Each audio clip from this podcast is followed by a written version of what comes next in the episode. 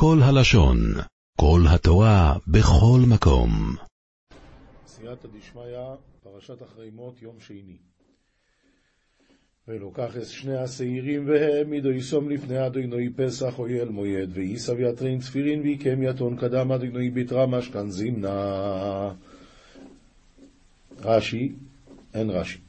ונושא נהרון על שני השעירים גוירו לא יסגוירו לחוד לאדוני וגוירו לחוד לעזוזיל וייתן אהרון על טרין צפירין עד וין עד וחד לשמד אדוני ועד וחד לעזאזל. רש"י מאמין, מעמיד אחד לימין ואחד לשמאל, כלומר שני השעירים משני הצדדים שלו, ונותן שני ידה, שתי ידיו בקלפי, ונוטל גורל בימין, וחברו בשמאל, מכניס שתי ידיים. ונותן עליהם עת שכתוב בו לשם הוא לשם, ועת שכתוב בו לעזאזל, משתלח לעזאזל אחר כך. עזאזל, אומר רש"י, הוא הר עז וקשה. צוק גבוה, שנאמר ארץ גזירה חתוכה. והקריב אהרון נששו עירה אשר עולו וגוירו לאדינוי ועושו חטוס, ויקרב אהרון יספירה דיסליקה לא יעד ולשמד אדינוי ויעב דיני חטאתה. עיר אשר עולו עולו וגוירו לעזוזל יועמד חי לפני אדינוי לכפר עולו לשלחו יסורים לעזוזל המדבורו. וצפירה דיסליקה לא יעד ולעזאזל איתה כמוכת חי קדם אדוני לכפרה לא היא לשלח יתי לעזאזל למדברה. אומר רש"י ועשהו חטאת, כשמניח הגורל עליו קורא לו שם, ואומר להשם חטאת. יועמד חי, כמו יועמד חי על ידי אחרים, בתרגומו איתה כמקד חי. מה תלמוד לומר? לפי שנאמר לשלח אותו לעזאזל, ואיני יודע שילוחו אם למיתה אם לחיים, לכך נאמר יועמד חי, עמידתו חי עד שישתלח, מכאן ששליחתו למיתה. לכפר עליו, שיתוודע עליו ככתכתיב, ויתוודע עליו את כל עוונות בני ישראל ואת כל פשעיהם לכל אחדותם. הרב הירש, זכר צדיק לברכה, אומר כאן הרגשה נפלאה. היו פה שני שעירים, ששניהם שווים במראה, בקומה, בדמים, בכל דבר.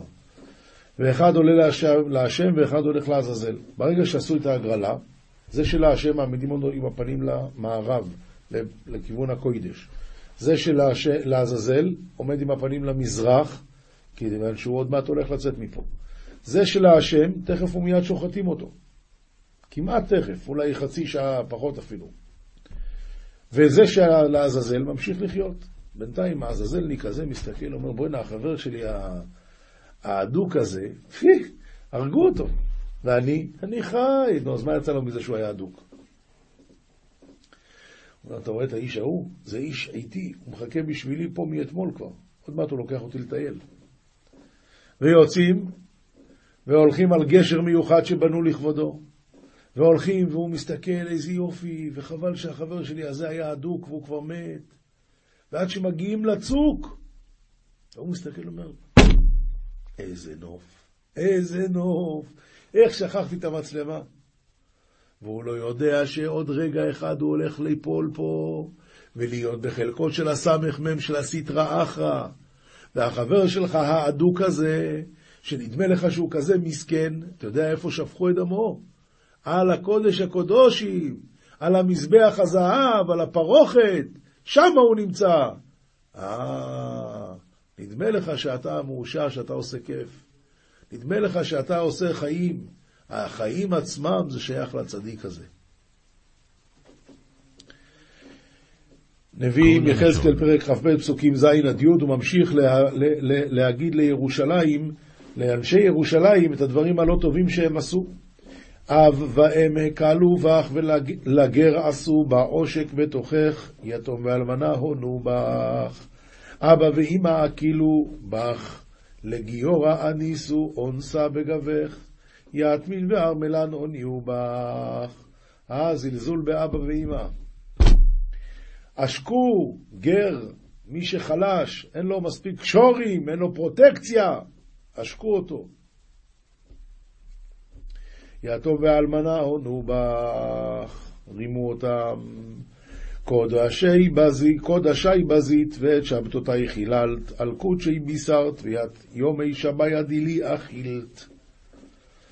אי אנשי רכיל היו בך למען שפוך דם, ולהרים אכלו בך זימה עשו בתוכך. גברי אך לי קורצי היו ביך, ודילי משפח דם, זכאי, דם זכאי, ובתורי פלח וביך לתאוותה, הרי עצת חטאין עבדו בגבך. אומר רש"י, אל ההרים אכלו בך, ובתוריה פלח וביך לתאוותה. בהרים עבדו לעבודה זרה. זימה עשו בתוכך, עצה של רשעים, זה נקרא זימה. ערוות אב גילה בך, טמאת הנידה עינו בך, אריית אבא גלי וביך, איתה טומאה אנט על רישי ואלה נשל מילך. רש"י, אין רש"י, אבל מה הכוונה? חטאו עם אשת האב, זה ערוות אב גילו בך, ואישה אה, בטומאת נידתה אנסו. רוח צפון תחולל גשם, סליחה, אני, אני, אה, אני חיברתי שני דברים לא נכונים. ערוות אב גילה, גילה בך, טמאת הנידה עינו בך, עריית אבא גליהו בך, איתה טומאה הניעו בך. אני צירפתי את זה עם התרגום הבא, זה לא נכון. עכשיו כתובים משלי כ"ה, פסוקים כ"ב עד כ"ה. אמרנו בפסוק האחרון שלמדנו אתמול, אה, אם רעב שונאך, אכילהו לחם, כי גחלים אתה חוטא על ראשו. אז אומר על זה, אה, אם רעב שונאך, אכילהו לחם, עכשיו הוא ממשיך, כי גחלים אתה חוטא על ראשו, ועד עינו ישלם לך. מתול דגומרי דנורא חטאי אנט על רישי ולהנש על מילך. רש"י, חוטא כמו לחטות אש מיקוד.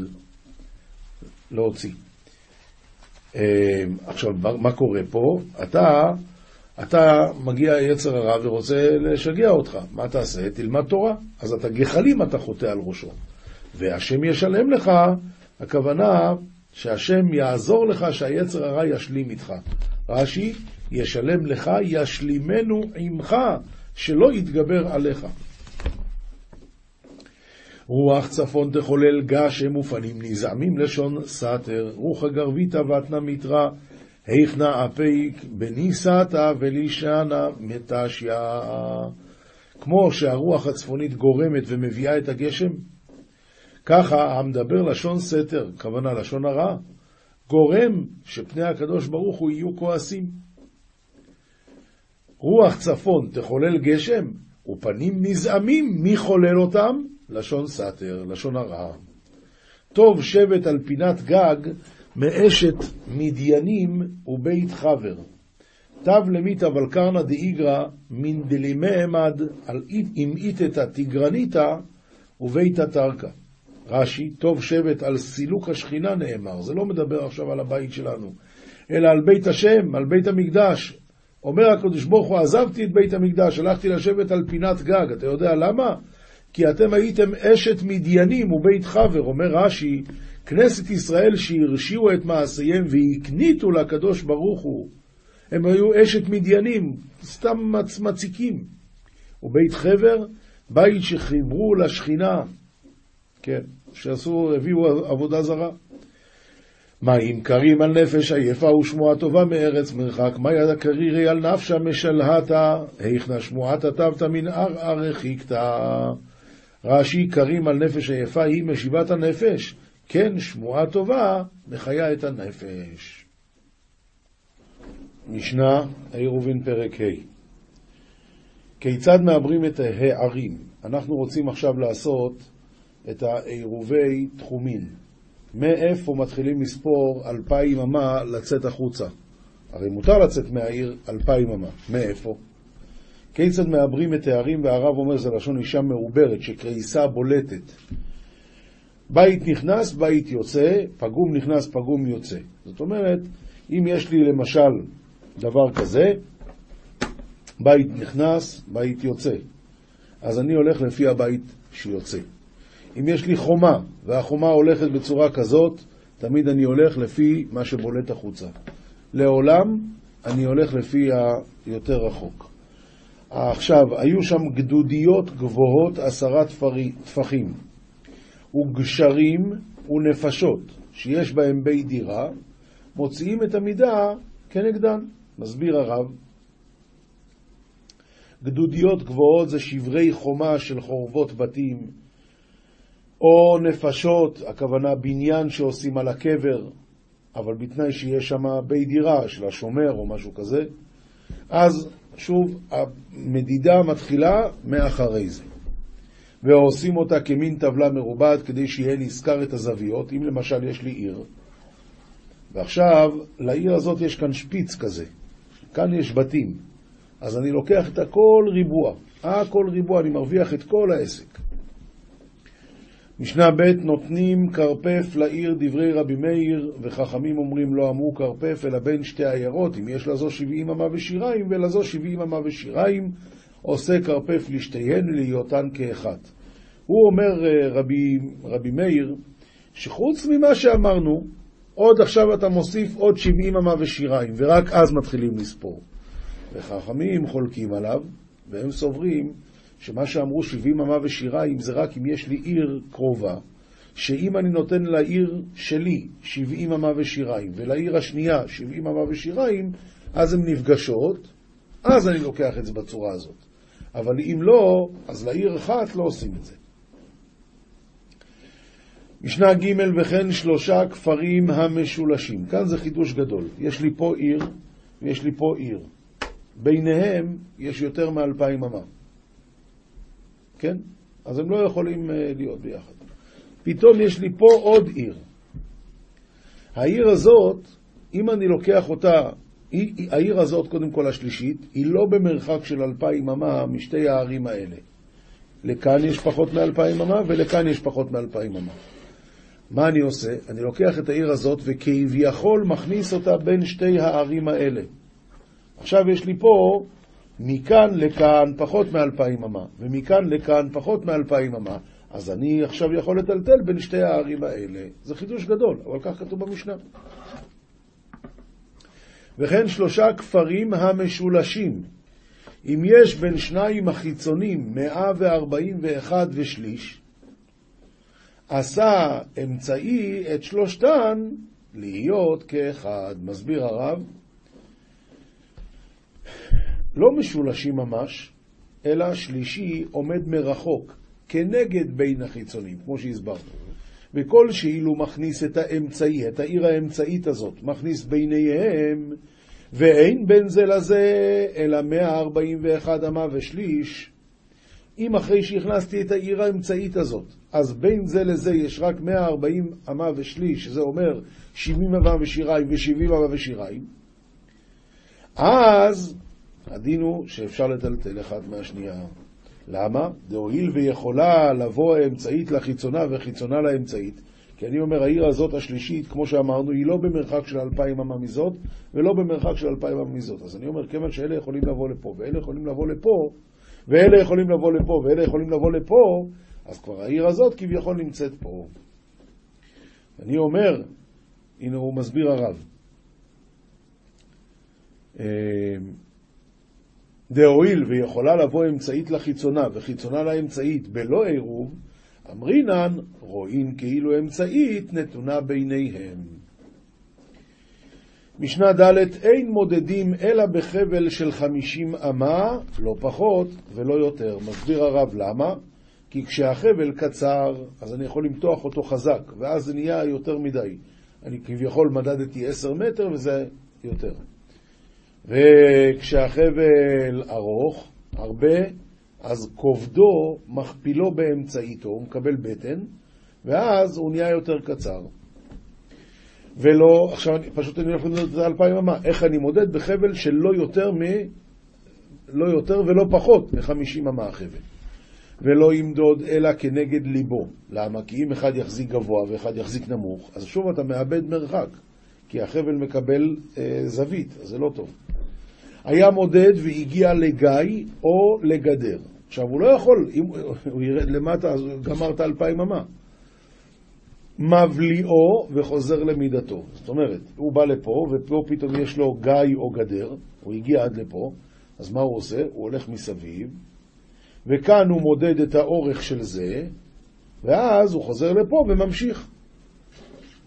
זה נקרא, זה נקרא מבליעו וחוזר למידתו. ובלבד שלא יצא חוץ לתחום. כלומר, אם אני הגעתי לפה, ועכשיו אני לא יכול למדוד פה, אז אני הולך לפה. הבעיה היא שפה זה כבר חוץ לתחום, אז אי אפשר למדוד. זה בלבד שלא יצא חוץ לתחום. ואם אינו יכול להבליעו, בזו אמר רבי דוסטאי בר רבי ינאי משום רבי מאיר, שמעתי שמקדרין בהרים. זאת אומרת, אם יש לי פה נניח הר גבוה מאוד, אני לא יכול, אין, אין, אין לי איפה, מה אני אעשה? אני מוכרח למדוד את ההר עצמו. עכשיו, אם אני אמדוד את ההר עצמו, אז אני מודד אותו בעלייה, אני מפסיד. איך עושים? לוקחים חבל קצר, חבל קצר של לא יותר מחמש אמות. ארבע אמות, סליחה. ואז עומד אחד, נניח, כן, זה, זה ההר. זה ההר, כן, עלייה כזאת. אז אחד עומד פה גבוה, השני עומד מתחתיו במרחק ארבע אמות. זה שם את החבל ליד הרגליים, זה שם את החבל מול הלב. ובצורה כזאת החבל הוא ישר. אז מדדתי 400, ואז הם יורדים, ושוב מודדים 400. בצורה הזאת אני לא מפסיד שטח, אלא אני מודד כביכול את הקו הישר. זה נקרא, שמעתי שמקדרין בהרים. משנה ה', אין מודדים אלא מן המומחה. זאת אומרת שיבוא מומחה שמבין בזה. הרב אומר, אדם הבקיא במדידה. פירוש שני אומר הרב, מומחה הכוונה שטח ישר. לריבה למקום אחד ומיעט למקום אחר, שומעים למקום שריבה. למשל, יש לי פה עיר גדולה. אז הלך אדם ומדד מפה ומדד מפה. פה הוא הגיע לפה, ופה הוא הגיע יותר קצר.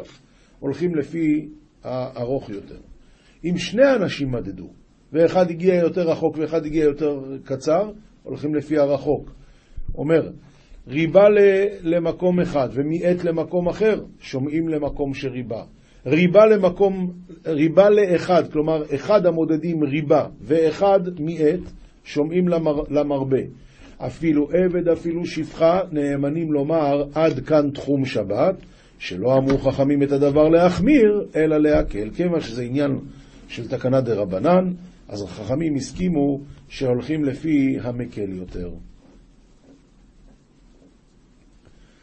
משנה ו' עיר של יחיד ונעשית של רבים. כלומר, לכתחילה העיר הזאת הייתה שייכת לבן אדם אחד, והוא התחיל למכור דירות. אז הדין הוא מערבין את כולה. מה זאת אומרת מערבים את כולה? אין שום בעיה לערב את כל הבתים שלה. אבל של רבים ונעשית של יחיד. כלומר, זה היה שייך להרבה אנשים ועכשיו קנה אותה איש אחד. אז הדין הוא אז הדין הוא אין מערבין את כולה, אלא אם כן עשה חוצה לה כעיר חדשה שביהודה, שיש בה חמישים דיורים, דברי רבי יהודה. קודם כל, עיר חדשה ביהודה זה עיר שהשם שלה חדשה. זה השם שלה. העיר הזאת הייתה העיר הכי קטנה ביהודה, והיה בה חמישים בתים. אז אם זה עיר של רבים ונעשית של יחיד, צריכים לערב, אבל אי אפשר לערב את כולה. צריכים להשאיר מחוץ לעניין לפחות חמישים בתים. אומר הרב, עיר של יחיד כגון שאדם אחד קנה כולה, והוא משכיר את כל בתיה לבני אדם הדרים בה. ואחר כך נעשית של רבים, כלומר הוא מכר להם את זה, אז מערבים את כולה כדרך שהיו מערבים כשהייתה של יחיד, שלא הייתה צריכה שיעור. אני לא צריך להשאיר בתים מחוץ לעירוב. אבל אם הייתה הפוך, עיר של רבים שהפכה להיות של יחיד, אז אין מערבין את כולה. למה? אומר הרב שאסור לערב עיר של רבים אם אין משייר בה בתים ידועים בלא עירוב. דההוא שיעור הווה הקר. דטעמה משום עירוב הוא ולא תשתכח תורת רשות הרבים. אה, אז כמה צריך להשאיר? כמו שאמרנו, כמו עיר חדשה שביהודה, חדשה זה השם של העיר, והיה בה חמישים בתים. רבי שמעון אומר, שלוש חצרות של שני בתים, זה כל מה שאני צריך להשאיר בחוץ. אומר הרב, ופסק ההלכה, אפילו בית אחד וחצר אחת, אבי שיעור, לא צריך יותר מזה. ועיר שאין לה אלא פתח אחד בלבד, אפילו הייתה של רבים, אין צריך שיעור. משנה ז' מי שהיה במזרח ואמר לבנו, ערב לי במערב, או הוא היה במערב, ואמר לבנו, ערב לי במזרח. אם יש הימנו ולביתו אלפיים אמות, ולעירובו יותר מכאן, אז הדין הוא שמותר לביתו, מותר לביתו ואסור לעירובו. לעירובו אלפיים אמה ולביתו יותר מכאן, אסור לביתו ומותר לעירובו. מה קרה? היהודי הזה, הוא נמצא פה.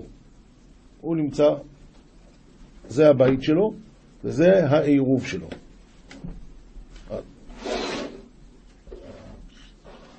זה הבית שלו וזה העירוב שלו. עכשיו, הוא נמצא פה והוא אומר לבן שלו, תעשה לי את העירוב במערב. הנה, תעשה לי את העירוב במערב. אז הבן שלו עשה לו, אבל הבית שלו קרוב אליו אלפיים אמה והעירוב יותר רחוק, אז איך הוא יכול לקנות אה, שביתה בעירוב הזה? לכן, קנה בבית. אם העירוב הוא בתוך האלפיים אמה והבית יותר מאלפיים אמה, אז הוא קנה שביתה כמובן דווקא בבית. דווקא בעירוב, בזה זה תלוי. ממשיכה המשנה ואומרת, אה, הנותנת עירובו בעיבורה של עיר, בתוך, ב, ב, נניח העיר נגמרת פה, וכאן יש לנו עדיין את העיבור של העיר. כמו שאמרנו, מעברים את הערים, שיש כאן קו המשווה, שמשווה את כל בתי העיר, הוא שם את זה בתוך העיבור של העיר. לא עשה כלום, כי כאן מותר ללכת בכל מקרה, לא עשית כלום.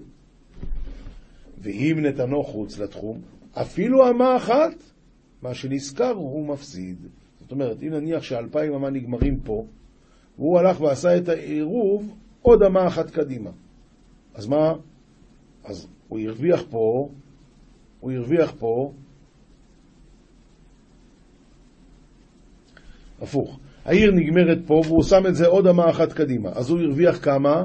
רק אמה אחת. הוא יכול להמשיך ללכת אלפיים ואחד אמה. אז רק אמה אחת הוא הרוויח? אז אמה אחת הוא הפסיד בצד השני. כמו שהרוויח פה, כך הוא מפסיד בצד השני. כי אדם לא יכול לקנות עירוב בשתי מקומות.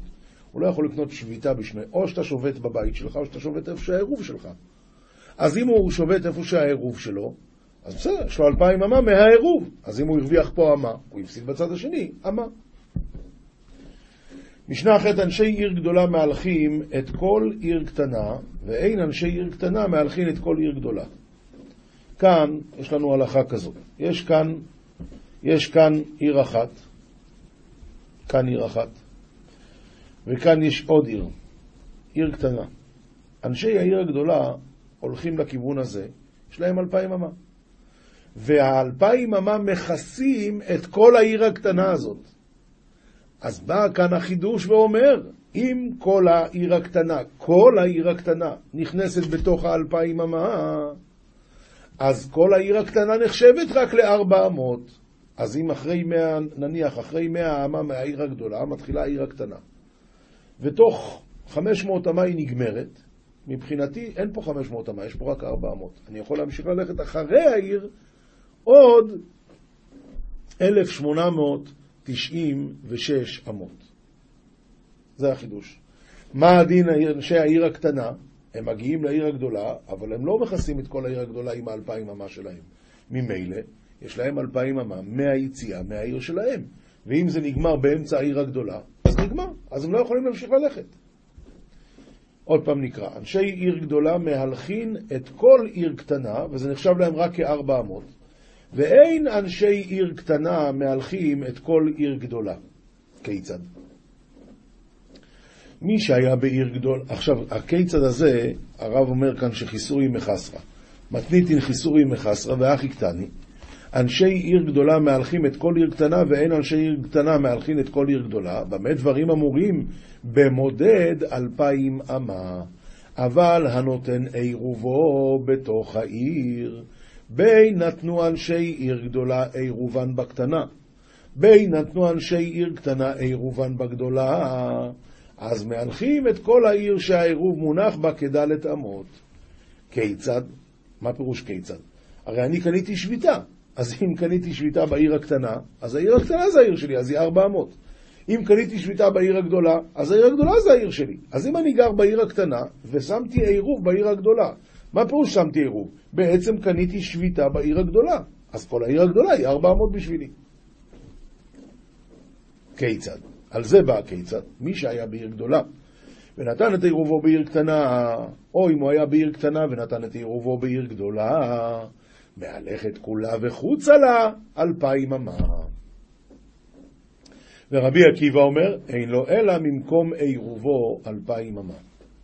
אומר הרב, הוא חולק על תנא קמא וסובר שאין העירוב עושה העיר שהוא מונח בה כדלת אמות, ואין מונים אלפיים אלא ממקום העירוב, ואין הלכה כרבי עקיבא.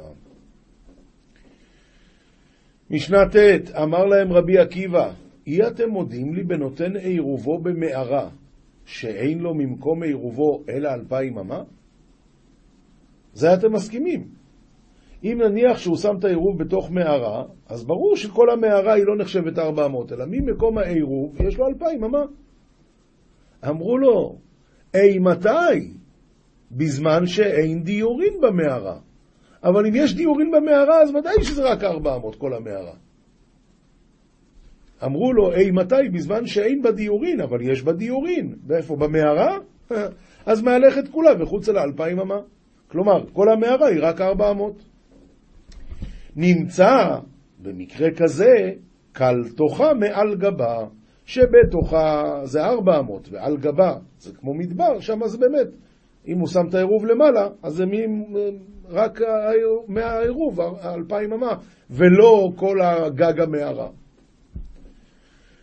ולמודד שאמרו נותנים לו אלפיים, שאפילו סוף מידתו קלה במערה, ולמודד שאמרו נותנים לו אלפיים, הכוונה, אם סוף מידתו קלה במערה, אז שם נגמר לו, והוא לא יכול להמשיך את כל המערה. איפה שזה נגמר האלפיים, שם זה נגמר. גמרא, מסכת עירובין, דף נ"ג עמוד ב', ברוריה, אשכחתי להוא תלמידא דאה וקגריס בלחישה, בת שבי. ראתה בחור שלומד בלחישה, לא מוציא את הגמרא מהפה, אז בעטה בו. אמרה לי, לא כך כתיב ארוחה בקול ושמורה. מה הכוונה? אם ארוחה ב-248 איברים שלך משתמרת, ואם לאו, אינה משתמרת. תנא, תלמיד אחד היה לו לרבי אליעזר שהיה שונה בלחש. היה לומד, אבל לומד רק בלחש. לאחר שלוש שנים שכח תלמודו, רחמנא ליצלן. אמר לי שמואל לרב יהודה, שיננה, פתח פומח קרי, פתח פומח תני, תפתח את הפה, לא תלמד עם העיניים, תלמד עם הפה.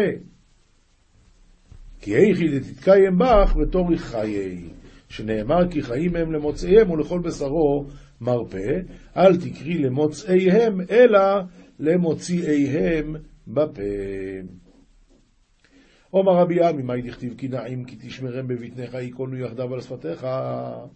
אי, מתי דברי תורה נעימים בזמן שתשמרם בבטניך, ואי, מתי תשמרם בבטניך בזמן שייכונו יחדיו על שפתיך. רב זיירא אמר מאחה, עוד ראיה שצריכים להוציא את הדברי תורה בפה ולא רק בעיניים ובאוזניים. רב זיירא אמר מאחה, שמחה לאיש במענה פיו, ודבר בעיתו מה טוב. אי מתי שמחה לאיש? בזמן שמענה בפיו. לאיש נאחרינה, אי מתי שמחה לאיש במענה פיו? בזמן שדבר בעיתו מה טוב. כאן הוא מדבר לגבי ללמוד את ההלכות חג בחג. רבי יצחק אמר מאחה, כי קרוב אליך הדבר מאוד, בפיך ובלבבך לעשותו. אי מתי קרוב אליך? בזמן שבפיך ובלבבך לעשותו. רוב ואומר, מהכה, תאוות ליבו נתת לו, והרשת שפתיו, בל מנעת סלע. אי מתי תאוות ליבו נתת לו? בזמן שהרשת שפתיו, בל מנעת סלע. עומר רבי אליעזר, מהי דכתיב הענקים לגרגרותיך? אם משים אדם עצמו כענק זה, שרף על הצוואר, שרופף על הצוואר, שרשרת, זה רופף על הצוואר, ונראה ואינו נראה, אז תלמודו מתקיים בידו, ואם לאו, אין תלמודו מתקיים בידו. אומר על זה רש"י, שרף על הצוואר, שאינו מצומצם בדוחק סיוב הצוואר, אלא שרפוי ברווח. כך הוא נעים ומרוצה לבריות. אם אתה רוצה שהתורה תהיה שלך, אתה צריך להיות נעים ומרוצה לבריות, רק ככה זה אפשרי. ואומר רבי אלעזר, מאי דכתיב, אליעזר, מאי דכתיב, לחייו כערוגת הבושם, אם משים אדם עצמו כערוגה זו שהכל דשים בה, וכבושם זה שהכל מתבשמים בה, אז תלמודו מתקיים, ואם לאו, אין תלמודו מתקיים. רוב אברי דרב יוסף בר חמא, אבלי מילתא לרב יוסף בעדי. טוב, לפני שנמשיך הלאה, אני רוצה להגיד לכם משהו. הרי למדנו פה סוגיה שלמה על העניין שאדם צריך ללמוד בקול. ויש דין שבכל התורה כולה שומע כעונה. אם יש דבר שצריכים להגיד, ואתה שומע את זה ממישהו אחר והוא מתכוון להוציא ואתה מתכוון לצאת, אז הכל בסדר, זה נקרא שומע כעונה. כך זה נכון לגבי אה, קידוש, וכך זה נכון לגבי הבדלה. בספירת העומר, הדין הוא לא ככה. כתוב במשנה ברורה שיש מחלוקת אם בספירת העומר אפשר להוציא את השני ידי חובה, לא בברכה, בספירה עצמה. אז מה הפשט בזה? אלא כיוון שהדין הוא שורשי המצווה אומר החינוך, מה שורשי המצווה של, מה שורשי המצווה של ספירה סוימר? ההשתוקקות למתן תורה, כך אומר החינוך. ממילא אומר הרב שיינברג, אתה יכול לצאת ידי חובה בספירה של מישהו אחר, אבל בהשתוקקות של מישהו אחר אתה לא יכול לצאת ידי חובה. לכן צריך לספור בעצמו, יפה מאוד. רק אתמול פגשתי את הרב דוד הלל, שיהיה בריא. הוא אמר לי תוספת נכבדה. א', הריטבו סובר שגם בקריאת שמע אין אה, דין של שומע כעונה, ואיפה הוא מדייק את זה? כיוון שב... כיוון שבמגילה כתוב, המגילה נקראת, ואילו בקריאת שמע כתוב, מאימתי קורין את שמע בערבית. אה, קורין ונקראת, מה ההבדל? נקראת שאתה יכול לצאת ידי חובה על ידי אחרים, בשמיעה מאחרים. וקורין, הכוונה שאתה יכול לצאת ידי חובה רק בקריאה בעצמך. זו דעתו של הריטבו, והוא מסביר ולמה באמת בקריאת שמע אי אפשר לצאת ידי חובה על ידי שמיעה מאחרים. התשובה היא, כיוון שקריאת שמע זה קבול אסעול מלכוס שמיים, אתה לא יכול לצאת בקבול אסעול שלו, אתה צריך לצאת בעצמך. זה דומה מאוד למה שדיברנו. אבל אז הוסיף לי הרב דוד הלל, מה שנוגע לעניין שאנחנו למדנו פה. רבי יהודה, זכר צדיק לברוכר, רבי יהודה לבקוביץ' אמר להם פעם בישיבה, שיש עוד דבר שלא יוצאים ידי חובה בשמיעה. הוא אמר, בלימוד התורה בחברוסה. חברוסה, אחד קורא והשני שומע, מה זה קריאת התורה? אמר, לא, בחברוסה אתה חייב שניכם לקרוא. הוא קורא ואתה קורא. רק ככה אפשר להבין את הגמרא. זה עוד דבר שלא מועיל שומע כעונה. כאן למדנו שצריך לדבר, ללמוד את הגמרא בקול. הלאה. רוב וברי דרב יוסף בר חמא ולימילתא לרב יוסף בעדי. מה זאת אומרת? היה לו איזה עניין של כעס איתו, של אי הבנה.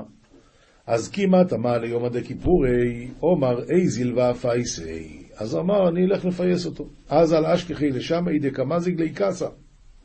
הוא אמר, אני אלך לפייס אותו, ואז הוא הגיע והוא ראה שהשמש מוזג לו את הכוס. מוזג הכוונה, קצת יין, קצת מים. תלוי כמה אחוזים מזה וכמה אחוזים מזה. צריכים לדעת מה הרב אוהב. אומר לי, אב לי, ואם זה גיהנה. אני רוצה למזוג. רוב וברית לרב יוסף, מוזג עכשיו אה, לרב יוסף. יאב לי מזגי, כדטעמי, אז, אז באמת מזג בעצמו, וכשהרב טעם את זה, הוא אמר, דמי אי מזיגה למזיגה דרוב וברי דרב יוסף בר חמא. נראה לי שזה המזיגה כמו שהוא עושה. אומר לי, אנא הוא, הרב צודק, זה אני. אומר לי, לא תהיתי וקראה אחד המפרש לי, אנא יקרואי. אל תשב על הרגליים שלך עד שלא תענה לי, תסביר לי את הפוסוק. מה?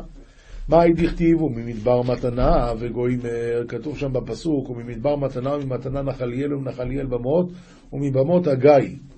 אומר, או הסביר לו ככה, אומר לי, אם אדם משים עצמו כמדבר זה שהכל דשין בו, תורה ניתנה לו במתנה.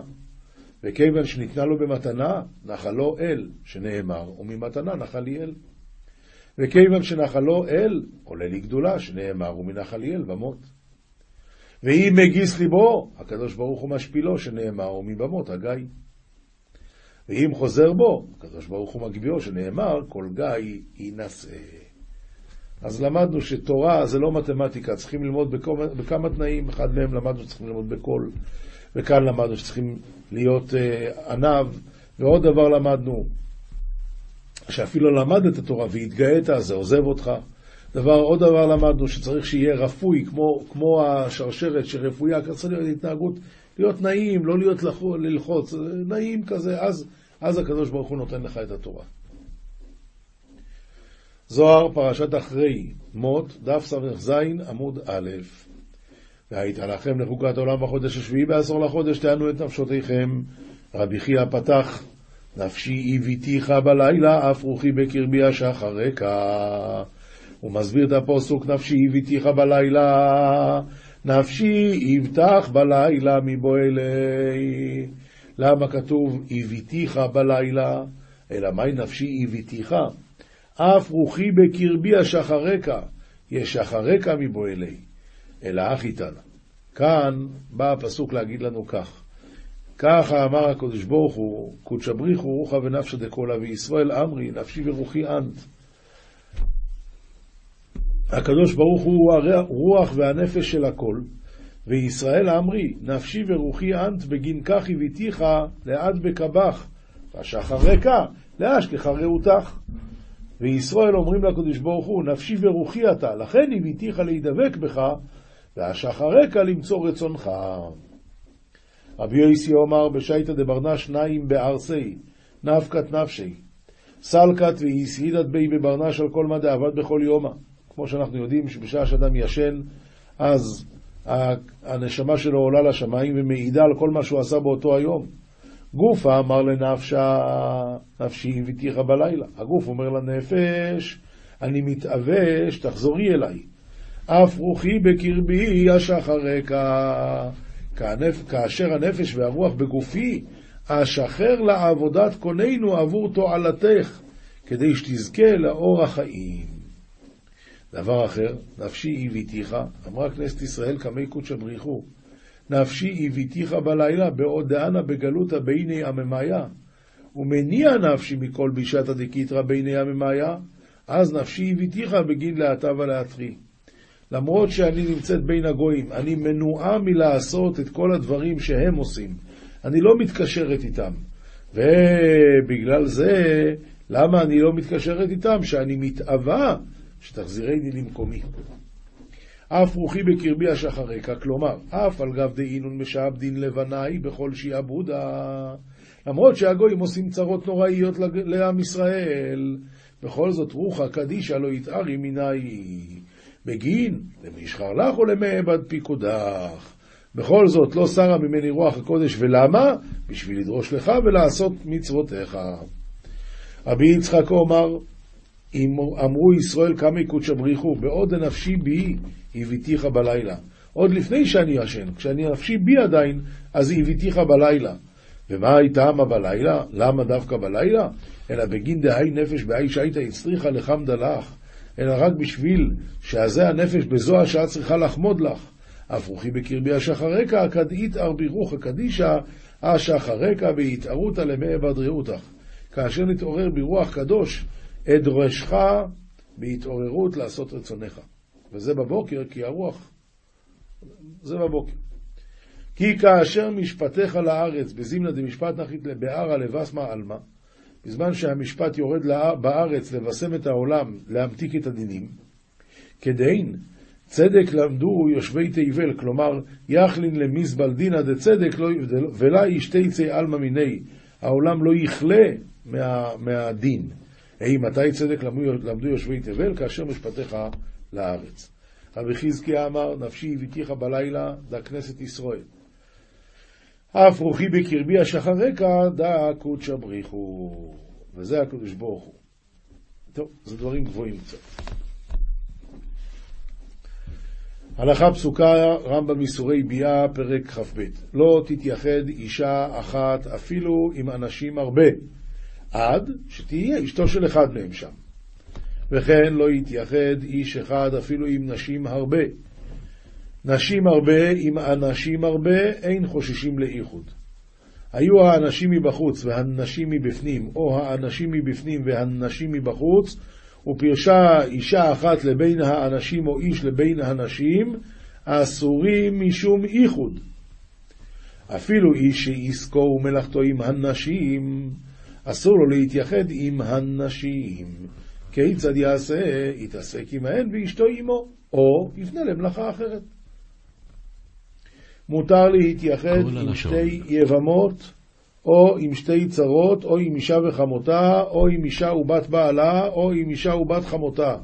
מה הסיבה? שכל הנשים הללו שונאות זו את זו, ואין מחפות זו על זו. וכן מותר להתייחד עם אישה שיש עם התינוקת קטנה, שיודעת טעם ביאה, ואינה מוסרת עצמה לביאה, שאינה מזנה בפניה, שהרי זו מגלה את סודה. שערי תשובה רבינו יונה, דף ה עמוד ג', הגאווה מסבבת כמה עבירות ומגברת יצר לב האדם עליו. שנאמר, והרם לבביך ושכחת את השם אלוקיך, ונאמר, רום עיניים ורחב לב, ניר רשעים חטאת. פירוש, הגאווה ניר הרשעים, כי ממנה יפרו החטאים כאשר נאמר, ורם לבביך ושכחת את השם. ונאמר, בגאוות רשע ידלק אני. ונאמר, הדוברות על צדיק עתק בגאווה. ונאמר, אשר נתנו חיתיתם בארץ חיים, וכמו שעושים בני אדם ניר בשדה כדי לפרוט בו הזרע ולאסוף רב תבואות, כך עושים הרשעים את הגאווה ניר בלבבם, וזורעים בו המחשבות הרעות להוליד ולהצמיח האווירות שהם פרי מחשבותם. ועל דרך המשל שאמר הנביא, הוא פרח כראש משפט. ומה שאמר חטא, מה זה כראש? ראש זה בושם אה, רע, אה, מר. אז ככה, ככה הם עושים. ומה שאמר חטאת פירושו, ניר רשעים, ניר חטאת, וכולל חטאים רבים כמו חטאת יהודה. או יהיה פירושו וחטאת בחסרון ו', כמו שמש ירח. והטעם, מלבד כי הגאווה גורמת החטאים, העמידה עצמה חטאת. כמו שנאמר, תאהבת השם כל גבל לב, ובעל הגאווה נמסר ביד יצרו, כי אין עזר השם עמו אחרי אשר הוא תאהבת השם. ועוד חייב בעל התשוב ולהיכנע ולקיים עליו להתנהג, כמו שאמרו רבותינו זיכרונם לברכה, והווי שפל רוח בפני כל אדם, וישיג מזה שלא יכעוס ולא יקפיד על חבריו, וגם לכל הדברים אשר ישמע, אל ייתן ליבו ויעביר על מידותיו, וזה יועיל לכפר על עוונותיו. כמו שאמרו רבותינו זיכרונם לברכה, המעביר על מידותיו, מעבירים לו על כל פשעיו, מידה כנגד מידה. וזה פתח תקווה נכבד מאוד. ונאמר, ייתן בעפר פיהו, אולי יש תקווה, ייתן למכה ולחי, יסבע בחרפה. אז זאת אומרת, הדבר הזה של להעביר על המידות הוא כלי ענק, כלי חזק מאוד שהקדוש ברוך הוא נותן לבן אדם כדי שיוכל לשרוד. עולם שלם של תוכן מחכה לך בכל הלשון, 03 617 1111